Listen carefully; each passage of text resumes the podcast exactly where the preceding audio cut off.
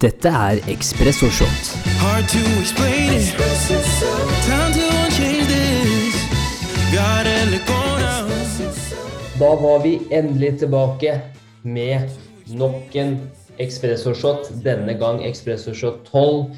Og eh, altså, Nico, nå har det vært en liten stund siden vi uh, prata sist. Hvordan går det med deg? Altså, nå er det deilig å være tilbake her. Nå har det vært tre gode uker siden sist gang, Yep. så dette her eh, gleder jeg meg skikkelig til. Altså, det er jo å bare beklage til lytterne også at det har tatt en liten stund, men uh, altså, det tror jeg for både meg og Nico, altså de siste ukene, det er noe som eh, Altså, noen ganger i livet så er det jo bare dalbane, det her. Det går jo opp og ned. Og det er jo altså det eneste som er konstant, er at det, ting er i endring, for å si det sånn. Og de siste ukene så må jeg bare si at uh, vi har drevet og pussa opp leiligheten og prøver å gjøre en grei jobb på jobben prøver å være til stede for alt mulig, og da kommer jo selvfølgelig det spørsmålet som vi alltid stiller, hvordan får du hverdagen til å gå opp? Og det jeg skjønte da, at da gikk jo ikke hverdagen opp. og så er det også en annen ting som jeg har tenkt mye på den siste tida, det er du vet, den følelsen når du når det har gått noen uker, og du føler bare at hvor ble det av de ukene, hva har jeg gjort på de ukene? Og du ikke klarer å være til stede. Og Det er litt sånn jeg føler de siste ukene har vært, at ting har bare gått i ett, og så har man egentlig glemt å være litt til stede da, i øyeblikket, rett og slett. Så derfor er det stas å være tilbake igjen. Ja, bra. Det er imponerende. Du har jo pussa opp en hel leilighet, så det er ikke bare bare det. Man kan jo, trenger ikke å unnskylde seg for det. Det, det er en del av livet. Og, og, og tida flyr. Det, det er også en del av pakka, men at man blir bevisst på det, er jo viktig, det som det har blitt nå. At du føler at shit, nå har det gått, det gått to-tre uker hvor, eh, hvor tida liksom bare har flydd. Um, det er jo deilig at man, man klarer å bli bevisst på det, da. For at det, hva hvis det hadde gått ti år? det hadde ikke vært så kult. Men det har i hvert fall gått bare et par uker, og det er fint. Ja, Nei, men det er jo, Du kan jo tenke deg sjøl. Når du er en fyr med ti tommeltotter og så skal du jaggu pusse opp en hel leilighet. Nå er det jo mange som har gjort, eh, gjort jobben for meg, heldigvis. fordi at jeg er jo eh, altså praktisk talt helt ubrukelig når det kommer til eh, håndverkeryrket. Og det er jo noe jeg innså tidlig, som jeg tenker også var en positiv hva skal jeg si, en forsterkelse for mine, valg da, gjennom mine tidligere år. Men jeg er helt ubrukelig når det kommer til håndverk. Men Har du fått lov til å prøve deg litt, eller har du bare gitt alt arbeidet til snekkerne? Jeg har jo satt opp noen eh, hyller fra Ikea, og det har jo vært en, eh, en reise i seg sjøl. jeg begynner å lure begynner å lure mer og mer på om jeg faktisk er dyslektisk, selv om jeg kødder med det hver eneste episode. Så begynner jeg å lure på om det er et eller annet som, som ikke helt er programmert riktig oppå den, eh, oppå den skalaen her, da. Men det er vel Men det, men det tror jeg alle gjør når de setter opp eh, sånn flatpacks eh, fra Ja. Ikea. Så er vel alle litt sånn eh, dyslektikere. Yes. Så det, det er helt normalt. Og så har jeg jo selvfølgelig eh, en pedagogisk eh, leder eh, i hjemmet her også, som også er veldig flink til å påpeke når jeg gjør feil. Så, mm, så, så det, det, det blir som det blir, men jaggu skal det til å bli ferdig. Ja, til slutt. Sluttresultatet er det viktigste. Så man lære seg å være tålmodig. Eller det er kanskje ikke sant. Den tar jeg tilbake, faktisk. Men Det eh, høres det høres bra ut på film. Men noen ganger så handler det vel om å være litt tålmodig i prosessen. Ja. Og så forstå at vi prøver å få til et resultat her. Amen. Mm. Amen. Da kan, og da kan du nyte prosessen. Det er eller? det. Men jeg må jo det, da. Men det er jo høna og lege. Så hva er det man begynner med først? Skal man være lykkelig for at man er til stede her nå, eller skal man være lykkelig når man får til det man setter, de måla man setter seg? Ja, Så er kaster man jo bare bort eh, en måned på oppussing, da, ikke sant? Det er, ikke, Ja. det er det ikke verdt. Det er det ikke verdt. Det kan jeg faen meg si, ass. Det er det ikke verdt. For for Det er, si verdt det å sånn. pusse, det, er verdt å, det er verdt å pusse opp, men det er ikke verdt å, å hate eh, de fire ukene, da. Nei, det er akkurat det. Det er jo litt det med å få hverdagen til å gå opp. og det blir altså sånn som Vi har jo ikke hatt kjøkken her heller. ikke sant? Vi Jeg har jo spist knekkebrød og, og skinkeost på tube. vet du. Du altså, Pardon my friends, men du driter jo sidelengs altså når du spiser det Når du spiser det til frokost, lunsj og middag, så blir det jo Det blir jo ikke, det blir ikke harmoni downtown. Det er jo det jeg kan si. Nei, nei, men det er jo i hvert fall eh, Det kunne vært verre, da. Det kan alltid bli verre. Kan alltid bli verre.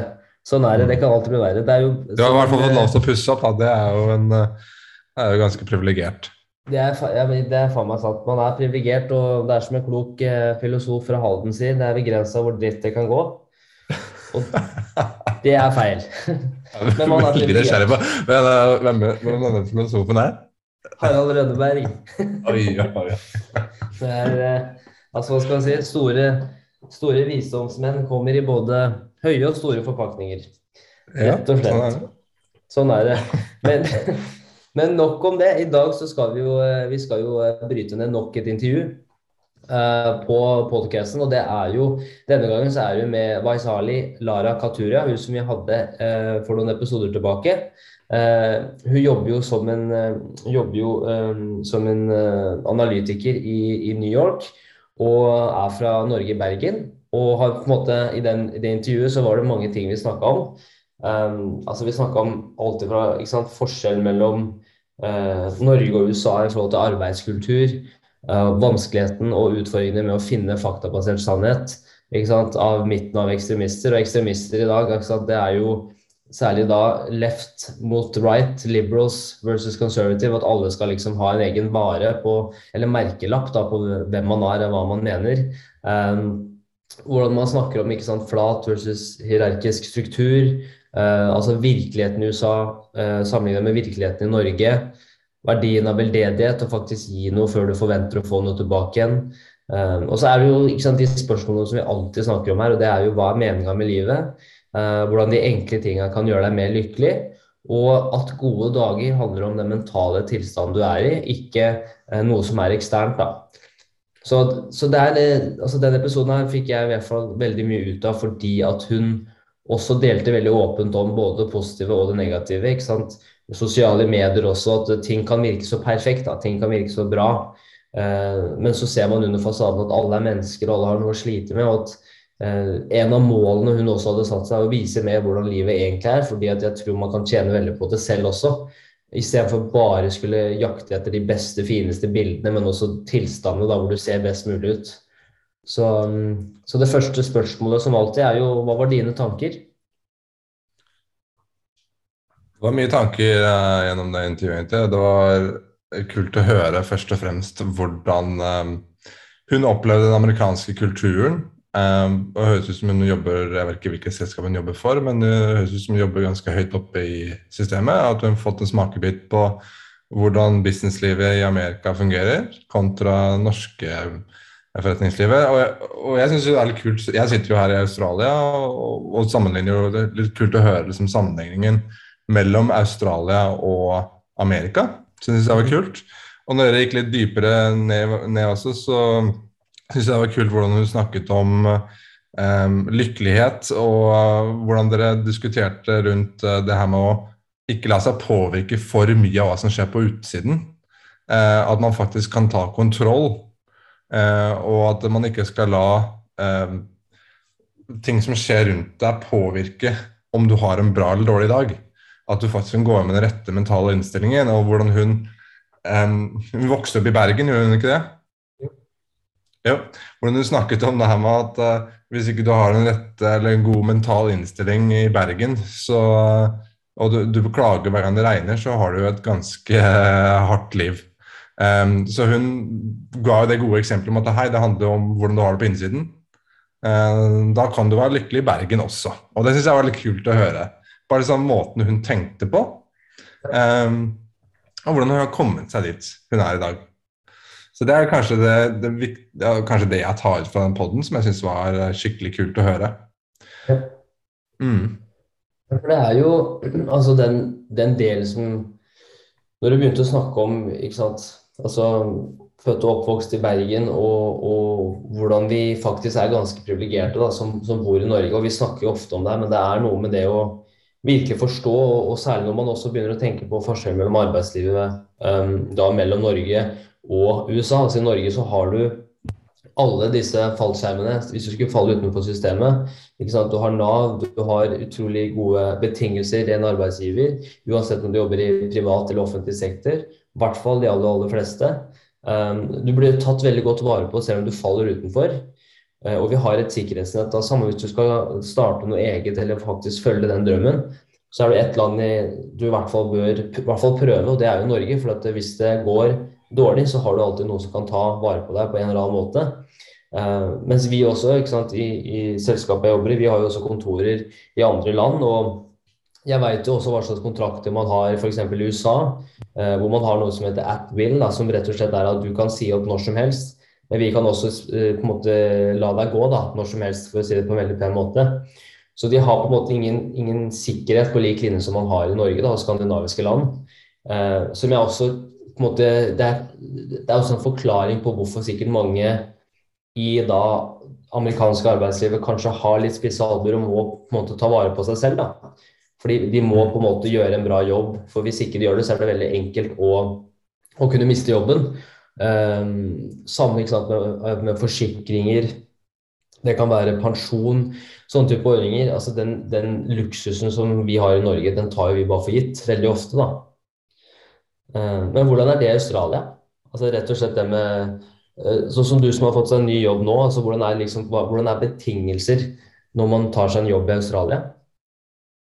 Sammenlignet med Norge og Amerika, mm -hmm. så tror jeg det mer, lener seg mer mot uh, norsk, norske standarder. Ja. Um,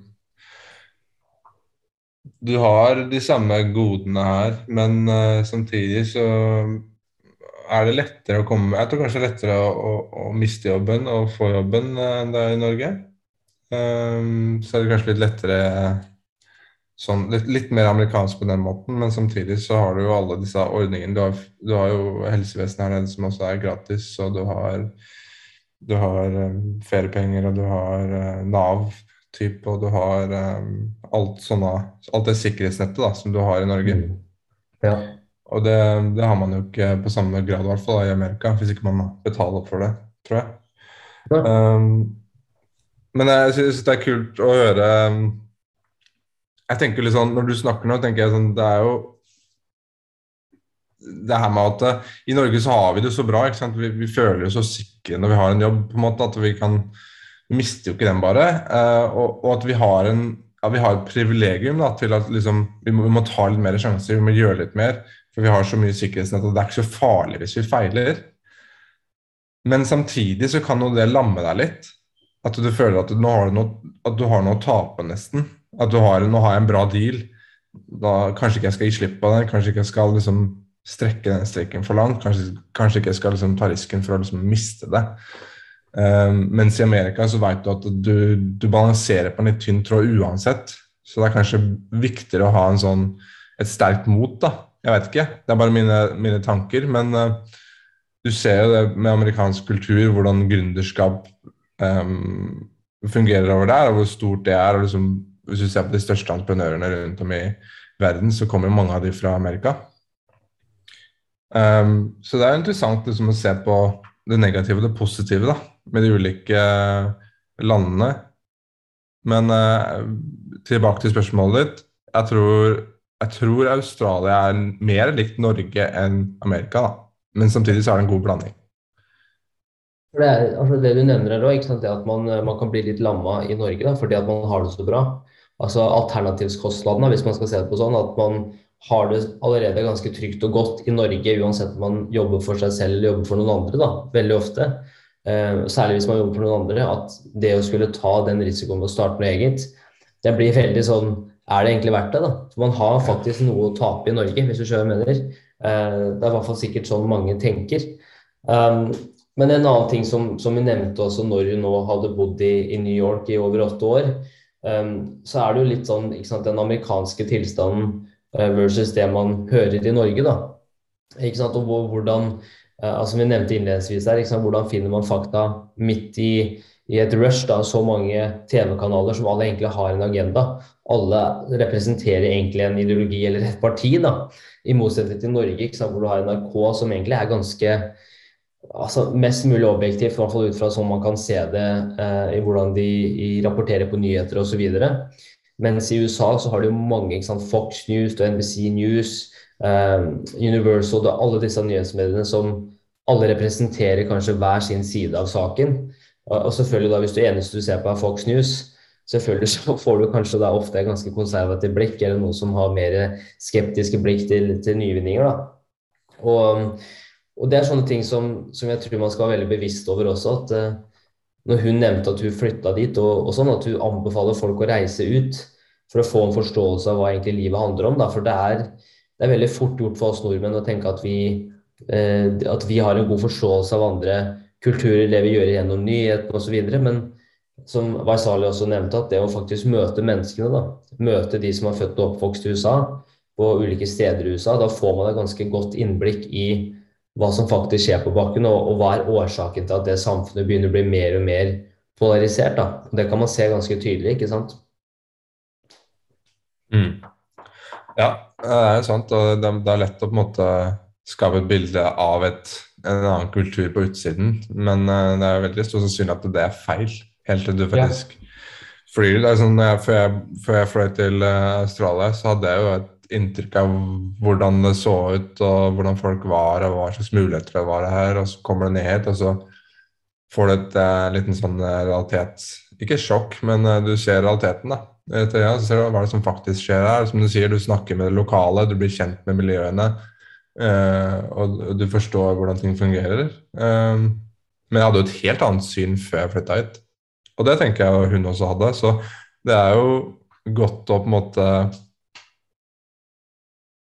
fly ut litt og, og, og se ulike kulturer, så man får et helt nytt perspektiv, da. Ja. Jeg er helt enig, og så tror jeg det, det utvider horisonten din. ikke sant, at når, nå som um, verden blir bare mer og mer globalisert, og du jobber med ulike altså Selvfølgelig personligheter er én ting, men du jobber med ulike bakgrunner, erfaringer på tvers av uh, land, regioner, kulturer, så tror jeg det er viktigere enn noen gang å faktisk ta det steget ut. Da, for at du, du er avhengig av å forstå hvordan andre kulturer fungerer, for at de er så integrert i verdensbildet. Mye mer nå enn det var før. Um, og Du ser bare de, altså de kollegaene jeg har, er fra hele verden. Jeg ser hvor viktig det er å faktisk, å faktisk ville ønske å lære om dems kultur, og hva som er liksom hva er vanlig eh, la oss si Det kan alt fra etikette, men også sant, bakgrunn og hva er viktig for de. Og faktisk stille de spørsmålene som, som også bringer oss også litt inn i forhold til hvordan arbeidslivet er i USA. Um, altså, hun mente jo også at det er veldig selvfølgelig mindre demokratiske avgjørelser i amerikanske bedrifter.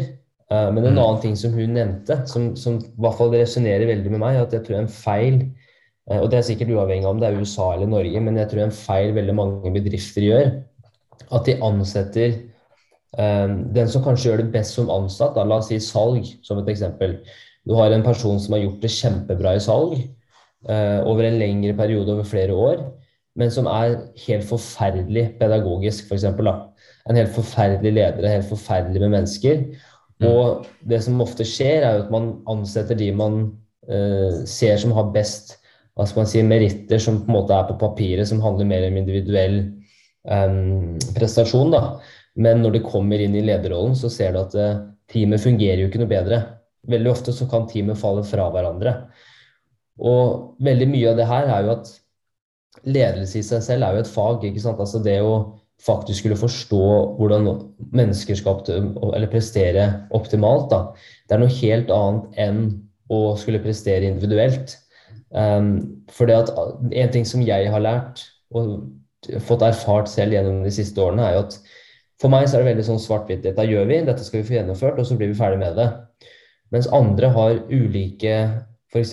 drivere, da, om det er interne eller eksterne motivasjoner til å gjøre det de gjør. Og det å virkelig ta det steget tilbake og, forstå de du jobber med, og virkelig finne ut hva er det som motiverer de, hva er det som gjør at de kommer seg opp om morgenen. Um, det tror jeg mange ledere tenker at det er feil, for at man tenker bare at alle er her for samme grunn, og alle er motivert av de samme tingene. Så det, det resonnerte veldig. Ja, for det er jo lett å ansette noen som du, som du nevnte, de som presterer best på salgsteamet og de har gjort det over lang tid. Og det på en måte er stjerna i laget. At de blir en naturlig valg for å bli en ny leder, eller en CEO, eller hva det er for noe. Um, men som du sier, realiteten er at de kanskje ikke har de ferdighetene, kanskje ikke de har den personligheten som selskapet trenger for å lede laget fremover. Men Det er jo hvordan, hvordan, klarer man å identifisere en god leder på den måten? da? Kan, det er vanskelig å, å finne noen som La oss si at det var en person i salgsteamet som presterte ganske dårlig, da. Men hadde gode lederegenskaper. Hadde man klart å da ansette den personen i den riktige rollen, og hvordan eventuelt skulle man gjort det? For det, det er noe med det at når de når ansatte presterer bra, så får man et inntrykk av at de kanskje bryr seg, at, de, at det betyr mye for dem, at liksom, de putter inn all innsatsen de kan. Men når det er en ansatt som presterer dårlig, um, så får man kanskje det omvendte bildet av hvem de er og hva de driver med. Da. Så hvordan, hvordan finner man disse lederfolkene, er jo, er jo interessant å finne ut av. Ja, det er the million dollar question, og det er jo Altså, jeg, jeg, for helt ærlig så veit jeg ikke. For, jeg, for, det er jo så vanskelig, for du må jo selvfølgelig prestere individuelt i jobben. Du må gjøre en bra jobb, du må gjøre litt mer enn det som, eh, som på en måte er forventa for å skille seg ut og virkelig liksom vise at det her er viktig, og det er, jeg er god til å gjøre jobben min. da. Um, men en annen ting som, som, veldig mange sikkert ikke tenker over, men det er også de alle de interaksjonene som egentlig ikke er i jobben i seg selv, men mer i det sosiale.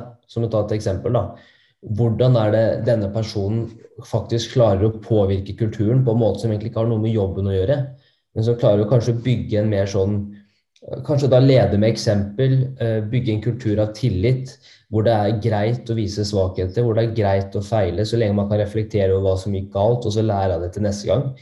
Um, så jeg tror liksom mange av de her for å kanskje finne en god leder handler veldig mye om selvfølgelig prestasjoner. Er denne personen på en måte, er det en, er det en person som kan ta oss fra A til Å og virkelig har erfaring innenfor det vi skal gjøre? Alle de tingene der er viktig, men til syvende og sist så er det jo mennesker som skal gjøre jobben. Um, så det å også forstå hvordan er det denne personen påvirker menneskene rundt på noe som har mye mer enn bare jobben i seg selv. Men Er den personen noen menneskene kan prate med, hvor de kan uh, være helt ærlige og snakke om svakheter uten at det skal bli noe som blir brukt imot dem, f.eks. Mm. Um, og altså når jeg nevnte det samme, det var jo uh, uh, altså Jeg drev jo yoga i dag tidlig, som jeg nevnte innledningsvis her. Og da han Travis Elliot, jeg anbefaler han, god yogateacher. Men da var det en av, en av, de tingene han sa, var sånn det var sånn Nelson Mandela sa. Ikke, sant? ikke døm meg på suksessen jeg har hatt, men døm meg hvor mange ganger jeg har feila, så har jeg klart å komme meg tilbake igjen. da. Og jeg tror, jeg tror, jeg tror det er litt det perspektivet Uh, man må også ha med liksom ansatte eller um, kollegaer at det å feile er helt vanlig. Liksom, det, er, det, kommer man ikke unna. Men det er heller da hvordan er det man reagerer når man går på en smell. Liksom, er man flink til å omstille seg og komme seg opp igjen? og Det tror jeg er en av de viktigste egenskapene for en leder. Å ikke holde de ansvarlig for det, men gi dem den, den rammen da, til å kunne, kunne teste og prøve. Ja, så det er, det er, på en måte den personen i salgsteamet som gjør de andre til å selge, som selger bedre. Altså de, mm. de gjør de andre folk bedre uh, uten at de nødvendigvis presterer på det høyeste nivået selv. Ja. Um, for det er jo Ja. Nei, jeg skal bare følge opp her. Det, for det handler jo om altså, man si, Det er veldig fort gjort når man, når man har hektiske timeplaner og man liksom, det er så mye man skal gjøre, og kalenderen fyller seg opp, at man, man blir så fokusert på seg sjæl og sine egne oppgaver og at man tror at det er den eneste muligheten for å faktisk prestere, er å bare ta vare på seg selv. Uh, men jeg vet ikke med deg, men for min del har det vært veldig sånn Hvis jeg kan gjøre de andre rundt meg gode, så gjør det at jeg kan lære mer av de. Som gjør at da bygger man en kultur hvor det er altså, Som vi har snakka om før, high performers. Hvor liksom folk tar jobben seriøst. Man stoler på hverandre, og man bruker hverandre uh, hele tida til å faktisk man forventer konstruktive tilbakemeldinger, sånn at man kan forbedre seg. Det er på en måte det er bare et must. Det er noe som må være på plass. da. Og det gjør jo selv at man kan utvikle seg mer, fordi at man får mer tilbakemeldinger om hva man selv kan, kan forbedre, da. Som er så viktig. Mm. Jeg er helt enig. Jeg tror det kommer uh, tofolds tilbake når du klarer å bry deg mer om uh, de folkene rundt deg enn det de gjør med deg selv noen ganger. I hvert fall at du spiller dem gode, da. Uh, det er liksom sånn spilte jo, Du spilte fotball, du spilte håndball, tror jeg. Uh, jeg mm. spilte mye fotball da jeg var yngre. Og en ting som jeg husker veldig godt, uh, var jo at du, du har kompispasning, og så har du en pasning som gjør medspilleren din verre. Det er sånn her, Du kan velge å gi en pasning som er liksom perfekt på foten, er ikke for hard, den er liksom rett på den riktige foten. Du vet at det, han, medspilleren din han er høyrebeint, så du skal sende den ballen på høyrefoten. Og da klarer han å ta med seg den ballen i riktig retning og, og kjøre på uh, mot angrep. Men hvis ikke du tenker på det, hvis du bare tenker på deg sjøl, så kan du bare tenke at bare få den ballen vekk. Eh, og så sender du den ballen på venstrefoten hans, kanskje litt baken. og da har ikke han sjanse til å ta med den ballen framover. Så det er liksom samme, samme businessverden. Liksom send det på godfoten um, til de folkene rundt deg, gjør de bedre, og da kommer jo de til å ønske å gjøre deg bedre også. For de ser at å ja, nå har jeg en som er på laget og hjelper meg å pushe meg framover. Da skal jeg hjelpe han nå. Jeg er helt enig. og den, Det som er ironien i det her, og som er så morsomt, er at veldig mange ledere tenker at de må vite alle svarene sjøl.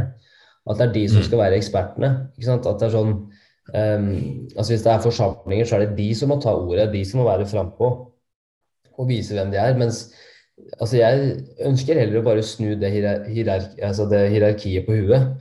Hvor det er ikke lederen som er på toppen, det er lederen som er under de ansatte, som skal jobbe mer som en fasilitator for at de kan lykkes. For det som er så komisk, er jo at hvis de ansatte lykkes, hvis de ansatte får et sted hvor de kan, eh, kan utvikle seg, hvor de kan få ta plass da, vise hva de er gode på, så det gjenspeiler jo bare på lederen, ikke sant? Da blir resultatene ti ganger bedre. Men jeg tror veldig mange har et behov for å bli hørt, ikke sant? og særlig når man da skal inn i en sånn lederposisjon at ikke sant? istedenfor å si 'jeg er en del av dette teamet', så er det alltid 'ja, dette er mitt team', 'jeg er salgsmanager', det er mitt team, ikke sant? det er jeg, mitt, jeg, jeg, jeg, istedenfor vi, da. Og mennesker er ikke dumme. Altså det, er, det er alle de der små tingene i de interaksjonene man har med mennesker, hvor de sier f.eks.: eh, 'Mitt navn er Henrik Holt, jeg er leder for det', ikke sant? Nei, du er ikke det. Du er en del av det teamet. For du leder også en rolle i det teamet. Som jeg tror, jeg tror veldig mange undervurderer viktigheten av ord, da, og hvordan det brukes. Jeg er helt enig, og, det, det kommer jo litt sånn eh, ned til eh, hva man altså, altså hva slags navn putter man på den tittelen, liksom. Altså hvis du blir forfremmet til salgsleder, så, eh, så kan det hende at du bare tar det på som at å ja, nå må jeg lede dette teamet her, det er min, min oppgave. og jeg må, altså, Det er jo organisasjonen sin oppgave sånn i bunn og grunn til å utdanne de som kommer opp i nye posisjoner. Um, hvis ikke de har allerede en kunnskap eller en erfaring med den rollen. Og det er det jo uh, få, vil jeg påstå, uh, organisasjoner som er gode på. Og faktisk uh, Og de få som er gode på det, de blir jo skikkelig gode. Men å faktisk lære og utdanne nye ledere som kommer opp som, altså lære med en ledelsesfilosofi som faktisk fungerer, da. For det er jo lett å, å komme opp i en rolle som uh, hvor du har en del ansvar som ikke du hadde før, bare pga. at du har gjort en ok jobb over lengre tid og du har vært der eh, lenge nok. Um, og så plutselig så får du en ledelsesrolle, og, og hva er den typiske, det typiske Den typiske tanken du har om en leder, blir på en måte hva du bruker til å lede teamet ditt, hva du allerede har. Så det er jo utrolig viktig at organisasjonene tar på seg det ansvaret om at hei, um, vi har en filosofi om hva en god leder er, og vi har lyst til å dele den med alle som får liksom en forfremmelse eller får en ledelsesposisjon. Og det du, det du sier der, som jeg vil også bare spørre deg om og der, Har du hatt noen erfaringer med, med ledere som Eller ikke ledere, men også mennesker som har kommet inn i lederposisjoner hvor du har vært enten en ansatt eller en kollega eller altså Det kan være uansett om det er idrett eller hvilken som helst sammenheng hvor du har bare hvor du har observert der, da, hvor du kan tenke tilbake, til å, tenke tilbake på tenke til hvordan dette var i praksis? Ja, det har vært flere Jeg har hatt mange forskjellige jobber, og det har vært mye bra og dårlig lederskap. Um, det, altså tror jeg, sånn som en ansatt, Når man ser noen som blir forfremmet, så er det viktig at man Det er lett å liksom få den lille sjalue følelsen, kanskje. At du bare sånn Faen, hvorfor ble han leder, og ikke jeg? Eller hvorfor altså, altså man, man, man spiller liksom, man kjemper mot hverandre. Um, så jeg tror liksom, det, det jeg har opplevd, er at uh, at noen tar på seg en lederrolle uh, som ikke de er klare for, og det er helt greit, det. Altså, man må jo ofte bare putte på seg, ta på seg det ansvaret man kan, og så utvikle seg gjennom det. Men å skape, å skape et miljø hvor de ansatte ønsker at du skal bli en god leder også, det er jo kjempeviktig. Og det har jeg ikke sett så mange ganger. Men det, det er interessant, faktisk, altså det du sier der. at eh, det handler også noe om sant, at lederen må jo bli respektert. Det er jo sånn altså, For meg så er det sånn høna lege. ikke sant, At du begynner alltid med, som en leder, da, eller som en som er i en lederposisjon, å skape tillit. På en måte at Du kan ikke forvente tillit fra de ansatte. Altså Det er ikke der du begynner, på en måte at du kommer inn og så er det sånn Jeg er sjefen, alle har tillit til meg, vi kjører. Jeg skal bare kommandere det til å gjøre A, B og C. Altså En leder må jo også investere i tid og bygge ikke sant, tillit, bygge relasjoner. og Det er derfor den delen er så viktig. da. Så det er veldig godt poeng. Jeg bare resonnerte skikkelig når du sa det. Ja, for det er liksom når du ser på Hvis du ser på idrettsklubber Jeg føler som idrett så er alt så utrolig klart. Men hvis du ser på Premier League for eksempel, og du ser på managerne der, så kan du fort få en følelse av eh, hvilke lag hvor spillerne faktisk trekker i lasset for at uh, manageren skal lykkes. At de faktisk ønsker at manageren skal lykkes. og Et praktisk eksempel her er, er jo Liverpool uh, med Jørgen Klopp, uh, som er Med de fine tenna. Ja, ja, med de hvite, hvite blå tenna. Han, han, han er jo likt av Jeg vil jo påstå av 99 av fotballverden. Mm. Uh, det er mange ganger jeg har hørt at uh, de beste spillerne i verden ønsker å, å spille under han. Mm. Og, og, det er litt interessant å tenke på. Hvorfor det? Hva er det han har gjort der? Hvordan har han klart å liksom man manøvrere den rollen til å, til å liksom få spilleren til å ønske at han skal lykkes, eller at vi skal lykkes med et lag, da. For det er jo kjempeviktig. Det har jeg sett, det, det, er sånn, det, er, det er en kunst Ja, du har opplevd det? Ja, eller, nei, altså, jeg har sett, jeg har sett um, for eksempel, du, La oss si du har sett etter, en, etter Liverpool har spilt en kamp, da, f.eks. Um, så ser du Det er, de små, det er som du, du fortalte meg om det eksempelet, at du har de spillerne som med en gang setter på seg boblejakkene for å holde på varmen. Mm. ikke sant? Du nevnte de? Det er detaljene i hvordan man, man bygger struktur også, eller bygger rutiner som gjør at man da kan pre, opp, prestere optimalt. Men en annen rutine som jeg også har sett han Klopp gjøre veldig bra, at hvis du ser etter en kamp, så ser du noen av managerne de går litt rundt og liksom takker den andre manageren for kampen. Og så går man inn i garderoben eller et eller annet sånt, takker dommeren eller noe sånt. Men du har kanskje sett Mr. Klopp, at han går til hver eneste spiller, uansett om de har vært på bana eller om de har sittet på benken, og så gir han de direkte anerkjennelse. Mm. Og så nevner han sikkert noe veldig spesifikt i en av de spillerne. Skikkelig bra jobba i det 67. minuttet, eller hvordan du gjorde det med målet. Han gir dem komplimenter direkte. Og sånn ja. positiv anerkjennelse som ikke nødvendigvis alle ser, men som man ser for mm. seg selv, da. Som gjør at man føler seg spesiell. Og jeg tror det er en av sikkert mange ting som gjør at spillerne får en utrolig stor tillit til han, da, for at de blir sett. De får anerkjennelse for den jobben de gjør, selv om han er stor eller liten. da. Og det, det, husker jeg veldig godt fra min tid med fotballen også, at når uh, treneren kom opp etterpå og faktisk ga meg uh, uh, tilbakemeldinger på et spesifikt ting som de faktisk la merke til, og som de faktisk så. At ikke det bare er sånn Ja, bra jobba.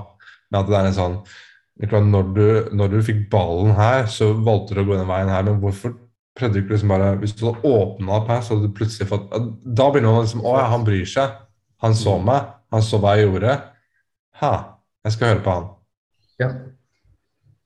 Mm. Det, det, og det er jo Jeg tror liksom det er derfor man kan lære så mye av eh, toppidrettsutøvere. For at de gjør de små tingene så riktig. Men også altså Ikke nødvendigvis bare toppidrettsutøverne i seg selv, men trenerne til toppidrettsutøverne. For du trenger jo et støtteapparat rundt deg for å prestere optimalt. Um, så jeg, jeg, jeg, ser jo bare mer og mer fra idretten hvor de som virkelig bygger et team, det er jo det samme i næringslivet. De som klarer å bygge et team av high performers, det er jo de som klarer å gjøre de små tinga riktig uh, med de menneskelige interaksjonene. da, At mennesker blir motivert forskjellig og kunne forstå f.eks. For at ok, Nicolai blir motivert av noe helt annet enn Henrik. Hvordan kan jeg snakke et språk som, gjør at, eh, som, som resonnerer med Nicolai og som resonnerer med Henrik? Og den tilnærminga kan jo være helt forskjellig sant, fra person til person. Så Um. Så det, det, siste jeg ville nevne der, var oh, sorry. Nei, Jeg ville bare, bare, nevne kjapt der i forhold til det, for du, du, snakker om noe som jeg tror er kjempeviktig der. i forhold til Hvordan folk blir motivert på ulike måter. Det handler jo om eh, personlighet, ikke sant. Og Jeg vet ikke om du har fått med deg han eh, Coutinho. Nå snakker vi litt mye om fotball her, men eh, Coutinho spilte i Han har også Barca. tenner, har ikke? Barcelona. Jo, han har også tenner. Eh, fotballspillere med tenner, vet du. Ja. Eh, han spilte i Barcelona eh, en periode, men klarte, klarte ikke å få det til der. Han knakk jo ikke koden. Um, før, før, han spilte i Barcelona, så spilte han i Liverpool, og han spilte jævlig bra. Han var liksom en stjerne på laget, og så gikk han til Barcelona, og så det, fikk han ikke til. Og så, når Steven Gerrard tok over Aston Villa i Premier League, så klarte han å kjøpe Coutinho til Aston Villa. Og de har jo spilt sammen før. Så Steven Gerrard kjenner jo han. Altså De kjenner hverandre. Han, han kjenner personligheten til Coutinho. Så når han kommer til eh, Aston Villa, så sier han det med en gang. Coutinho må ha um, Hva sa han for noe? Han må ha rom, han må ha liksom kjærlighet fra laget. Det er viktig for han. Hvis han har den, liksom den, um, det rommet der til å gjøre hva han vil, og vi stoler på han, da kommer han til å knekke koden. Og du ser det nå de siste to-tre månedene når han har spilt der. Han har gjort det utrolig bra igjen. Så det er sånn her, Hva skjedde i Barcelona? Han fikk kanskje ikke den friheten, fikk kanskje ikke den samme kjærligheten som han eh, hadde før. Og så kommer han tilbake igjen, og så forstår lederen hans personlighet så godt at han vet ok, han her trenger dette her, vi må gi han det. Da kommer han til å blomstre. Og så skjer det med en gang. Og det var så, det var så tydelig eksempel på, på hvordan du må liksom forstå folk, da. Ja. Du ser jo det med bare ManU òg, at du har en, du har en, en stall med bare A-lagsspillere. Altså toppspillere. Men de får det ikke til å funke sammen. Og det er så, det er så prakteksempel på eh, at du spiller ingen rolle om du har ikke sant, eh, 14 La oss si, bare oversette til næringslivet, da. 14 selgere som alle er gode individuelt. Men så er de egentlig bare som en kreft, da, for at de, de sprer negativitet og spisse albuer. Ikke sant? Mm. Som gjør at ingen har lyst til å jobbe med hverandre. Det er ikke noe flyt, det er ikke noe kunnskapsutveksling. Og de tingene er så viktige at du, du kan ha så mange bra individuelle prestasjoner, men hvis de ikke klarer å jobbe sammen, så da bygger du ikke et team. Da. Så det er derfor det er bedre å ha kanskje en stall med bare gjennomsnittlige eh, mennesker, da, prestasjonsmessig, men som har et mindset som handler om å dele kunnskap, det handler om å prøve og feile, og, og lære av den kunnskapen og være åpne mot tilbakemeldinger. Det er mye bedre å ha det som et utgangspunkt, tror jeg, enn å bare ha en, komme til dekka bord hvor alle er sånn Ja, jeg er ferdig utlært. Jeg trenger ikke noe mer. I'm done. Det er Guds gave. Det, det, det Ja. er. Han Alex Ferguson hadde jo knekt den, han knakk den koden i mange år. Og Ja. hadde jo ofte lag, hadde ofte spillere som ikke var i verdensklasse. Men uh, han visste jo at de personlighetene på et eller annet vis gikk sammen, da.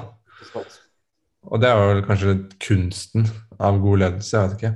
Ja. Som alltid, vi kan jo prate, vi kan jo prate en evighet. eh, For dette er noe vi er veldig, veldig opptatt av begge to. Eh, Og vi, vi har jo sett ting for de som hører her, og vi har jobber jo veldig med å kunne forbedre strukturen på de samtalene, samtalene her også. Så hvis du har noen som har konstruktive tilbakemeldinger til oss, så tar vi gjerne de imot. For vi prøver å bli mye flinkere til å lage innhold som er punchy og, og straight to the case. Men det er jo vanskelig når du har to mennesker som, som prater så mye som meg og Nico. Eh, men, men Vi kunne, vi kunne snakka i ti timer uten å overdrive. Bare liksom yes. Sette ut peisen i bakhagen, eh, ha litt drikke, og så sitte og snakke i ti timer om filosofi, Yes. om ledelse, om business, om suksess, om hva som helst. ja, Ikke noe problem. ikke noe problem. Så å gjøre det på 20 minutter er en stor utfordring. Men det er nettopp det. Da. Det er jo, altså, bare for å avslutte eh, det intervjuet med Varsali også, at sant, lykke, hvor er det det kommer Mm. fra? Og, og det her for meg er en av de tingene som gir meg utrolig mye energi og glede, er å kunne ha samtaler hvor det ikke er noen forbrytelser, forbrytelser. Ja, det er sikkert også viktig, men ingen avbrytelser. det er tidlig på morgenen, sorry. Ingen avbrytelser som, som gjør at Altså Man kan bare være til stede, og man kan utveksle erfaringer og perspektiv. Man kan stille spørsmål. Og, og rett og slett bare være her og nå. Da. Og, og en annen ting som hun nevnte, var jo at altså, hva skal man si, altså meninga med livet, at det er de enkle tinga i livet som gjør deg lykkelig. At gode dager handler om den mentale tilstanden du er i. Og, og det er noe som, som er så undervurdert. Det er det samme med å komme seg ut i naturen og bare gå en lengre tur. Eh. Bare kose seg med en god bok, en kopp kaffe. Eh, sette seg ut på verandaen og bare nyte sola. Det er de små tinga som penger ikke kan kjøpe. da. Det er kun det å være til stede her og nå. Um, så jeg ville bare anbefale en bok som, som heter 'Kunsten å være lykkelig', som uh, Howard C. Cutler uh, skrev sammen med Dalai Lama. Uh, som rett og slett handler om Dalai Lamas syn på hvordan man skal kunne leve et lykkeligere liv. Altså det å rett og slett leve et, et samarbeid mellom det som skjer eksternt, og hvordan du tar det inn i deg eh, selv. Ha, ha, medfølelse og empati med andre. At sorg og lidelse er en naturlig del av livet. Altså at Materialistiske ting er ikke av det gode, det er mer et behov som vi mennesker har, men det betyr ikke at du trenger det. Um, så setter liksom, går inn i dybden og setter de temaene her i en sammenheng. sånn at hvis du på en måte, hvis du ikke får gjort noe med det, hvorfor skal du bruke noe tid og energi på det? Hvis du får gjort noe med det, Hvorfor bruke noe tid og energi på det og tenke på det negative? Så det er liksom Jeg vil si at dette er en av de bedre uh, håndbokene om å, leve et bra liv. Da. Så jeg vil bare anbefale den. Det er fin, den siste der. Kan du gjøre noe med det? Ja. Hvorfor bekymre deg? Kan du gjøre noe med det? Nei. Hvorfor, hvorfor bekymre deg om det? Jeg liker den. Den er fin. Den løser liksom alle livets uh, problemer. Det gjør det. Og, og, det er viktig at vi har de samtalene, for det er repetisjon. ikke sant? For det trenger man også. Jeg vet mm. ikke med deg, men jeg kan glemme det veldig fort. Da, sånn som De siste tre ukene har vært en påminnelse på det. at Hvis du, hvis du virkelig ikke hvis, hvis, hvis du ikke tar, tar, deg selv og, og, og være bevisst på de tinga her, så kan det, som du sa innledningsvis, da kan det kanskje gå ti år hvor du da tenker Hva fader skjedde de siste ti årene? Så derfor må liksom, man hele tida altså Hver eneste dag minne seg selv på hva slags verdier man har, og hva som er viktig for seg. For at hvis man ikke liksom lager en rutine rundt det, så ja, da kan det gå til skauen. Mm. Og en fin måte å gjøre det på er jo Du snakket jo litt eh, i podkasten om eh, takknemlighet òg. Og det er jo å kjøre en sånn takknemlighetstrening eller oppgave hver dag. Det er fint. Og da har vi en eh, øvelse som heter Tre gode ting, som er utvikla av eh, Martin Seligman, som er liksom positiv psykologis far av positiv psykologi. Han, den er veldig godt forsket på også, denne, denne øvelsen. Uh, basically, hva du, hva du, skal gjøre, er når du våkner opp om morgenen til du går og legger deg, så skal du prøve å finne tre gode ting som skjedde i løpet av dagen. Og så skal du skrive det ned og igjen oppleve de på kvelden. Og dette her har vist seg å, å ødelegge depresjoner og angst og, og knekke mye sånne mentale lidelser. Eh, og faktisk har et utrolig stor effekt på lykke og godfølelse. Så tre gode ting hver dag er en kjempefin øvelse for å liksom føle litt mer på den lykken og være til stede. Og som du sier, ikke la for mye tid forsvinne. Ja. Og det siste jeg skal gjøre, da, da skal jeg ikke sette deg på altså gi deg en tøff utfordring, men hva er tre gode ting for deg? I dag? I dag. Nå har jeg eh, nesten ferdig med hele dagen, så det passer bra. I dag Det, det kan være alt for oss som er stort. Du kan at du oppnådde et mål i dag. Det kan være små ting. Så for meg i dag så var det å ha morgenkaffen ute på balkongen og se sola gå opp. Det var helt fantastisk. Så jeg setter pris på det. setter pris på de fleste morgenene. bare liksom Her i Australia så er vi heldige nok og vi kan gå ut i shorts og dash eh, de fleste dagene. Så bare liksom få tærne litt i gresset og, og, å, se på sola og ha en kopp kaffe, det var det uh, første. Um, andre var mens jeg kjørte i bilen, hadde, fant jeg en skikkelig god sang. Uh, og det er jeg veldig takknemlig for. Da, du vet når du finner en god sang, og du bare føler det, liksom, og spesielt når du kjører aleine i bilen, så begynner du bare å hyle ut, da. Det er jo ingen som hører på, så da nyter du det til det kan være. Og den tredje tingen som har vært bra i dag, det er denne podkasten her. Nå har jeg fått lov til å komme tilbake her for tre uker siden. Så jeg er veldig takknemlig for det. Jeg vet hva det der er, og vet du hva som er så bra med de tingene du nevnte nå, Nico? Det er at ingen av de tingene der er materialistiske ting. Mm. Ikke sant? Så, så, det er kjempebra at du sier det, for det er sånn for meg så er det så viktig. At de beste tinga hvert fall i mitt eget liv, er de tinga som ikke koster noe. Det eneste det koster deg, er bevissthet. Det er det eneste det koster deg. At du må være bevisst på det. Mm. Mm. Ja, så sant. Da må jeg stille spørsmålet tilbake til deg, Henrik. Ja. du, nå har du fått litt tid til å tenke, så da tenker jeg mm. Hva er dine tre ting? For eh, dagen Du har jo ikke opplevd dagen ennå. Så det kan at du bare har én ting, og så må du kanskje finne noe mer etter hvert. Ja. Nei, det, det første er de gode samtalene med deg. Det er det første. Det er, det er noe jeg setter stor pris på, å ha gode samtaler. Um, Og ikke bare ha samtalen, men være bevisst og være til stede i samtalene. Det er noe som Det gir meg mye. Det er en glede for meg. Um, det andre er um, altså, hva skal man si, altså det å kunne Det å kunne sette av tid til å faktisk få trent. Det er en annen ting. Det å faktisk være såpass snill mot seg sjøl, hvis man kan si det på den måten, at man setter av 60 minutter til å trene. Det er også noe som jeg har lyst til.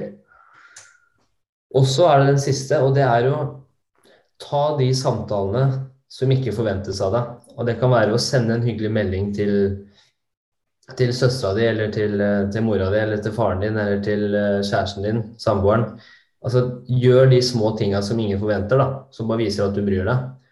Og um, det er noe jeg har vært litt dårlig på tidligere, men som jeg har brukt mye tid på å bli flinkere på, å faktisk uh, sende meldinger eller ringe de, og faktisk ha en, altså ha, ha en agenda med at jeg ringer de, og det er ikke en agenda med at jeg skal få noe tilbake, men uh, snakke om noe som vi deler sammen, da, som gjør at uh, de forstår at jeg, jeg bryr meg om de, og at jeg vil at de skal ha det bra. Og det gir meg mye igjen, da. Så det er en egoistisk handling som igjen gir meg mye. Rett og slett. Ja. det er fint. Ta de samtalene som ikke forventes av deg. Det. ja. For det, det er, er så viktig. Hvis flere er flinke til å altså F.eks. bare det å sende en melding til noen uten at du skal ha noe tilbake. igjen. Det merker jeg veldig mange er sånn Hver gang de tar kontakt med deg, så er det alltid fordi at de skal ha noe. Mm. Det er liksom aldri at de sender deg en melding og bare sånn 'Ha en fin dag. I dag er du rå.' Ikke sant? Og Skjønner du hva jeg? Bare sender de, da. Um, så det er mine ting. Så til neste gang så skal vi snakke mer om det, og jeg gleder meg til å fortelle om tre til ting. Yes. Da får du gå ut uh, og jakte etter tre gode ting, da. Skal jakte etter tre gode ting. Det, jeg også glemt en kjent ting. da. Jeg er jævlig glad i mat. Så det er også en ting som gjør meg blid, da. Ja. Det går aldri feil. Det går aldri feil. God, god mat, det er det beste. Oh my god, altså. Det er helt... Men den kaffen på morgenen, som du sier, den henger jeg meg på, forresten. Det er helt magisk. Ja. Men, eh, det var, en- det var, det var siste, siste, det var en periode hvor jeg bare Jeg tenkte ikke på det. Jeg bare, jeg bare spiste Jeg bare drakk eh, pulverkaffe. Jeg tenkte ikke noe på det. Jeg var sånn, hver morgen sånn instant coffee. Um, og så kom det til punktet hvor jeg sånn, faen, nå skal jeg faktisk nyte den eh, morgenkaffen. Skal jeg ha en skikkelig kaffe hver morgen. Og det er, selv om det er kaffe, det trenger ikke være kaffe, det kan, være, kan til og med være et glass med vann.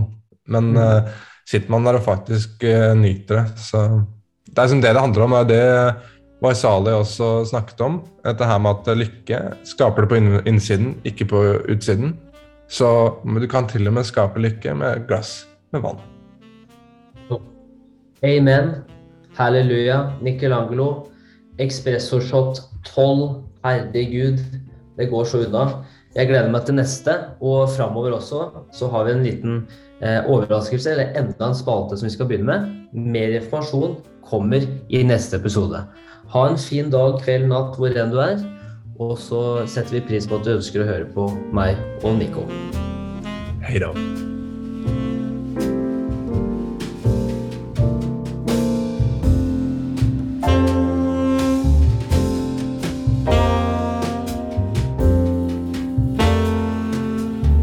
Dette er Ekspresso Shot.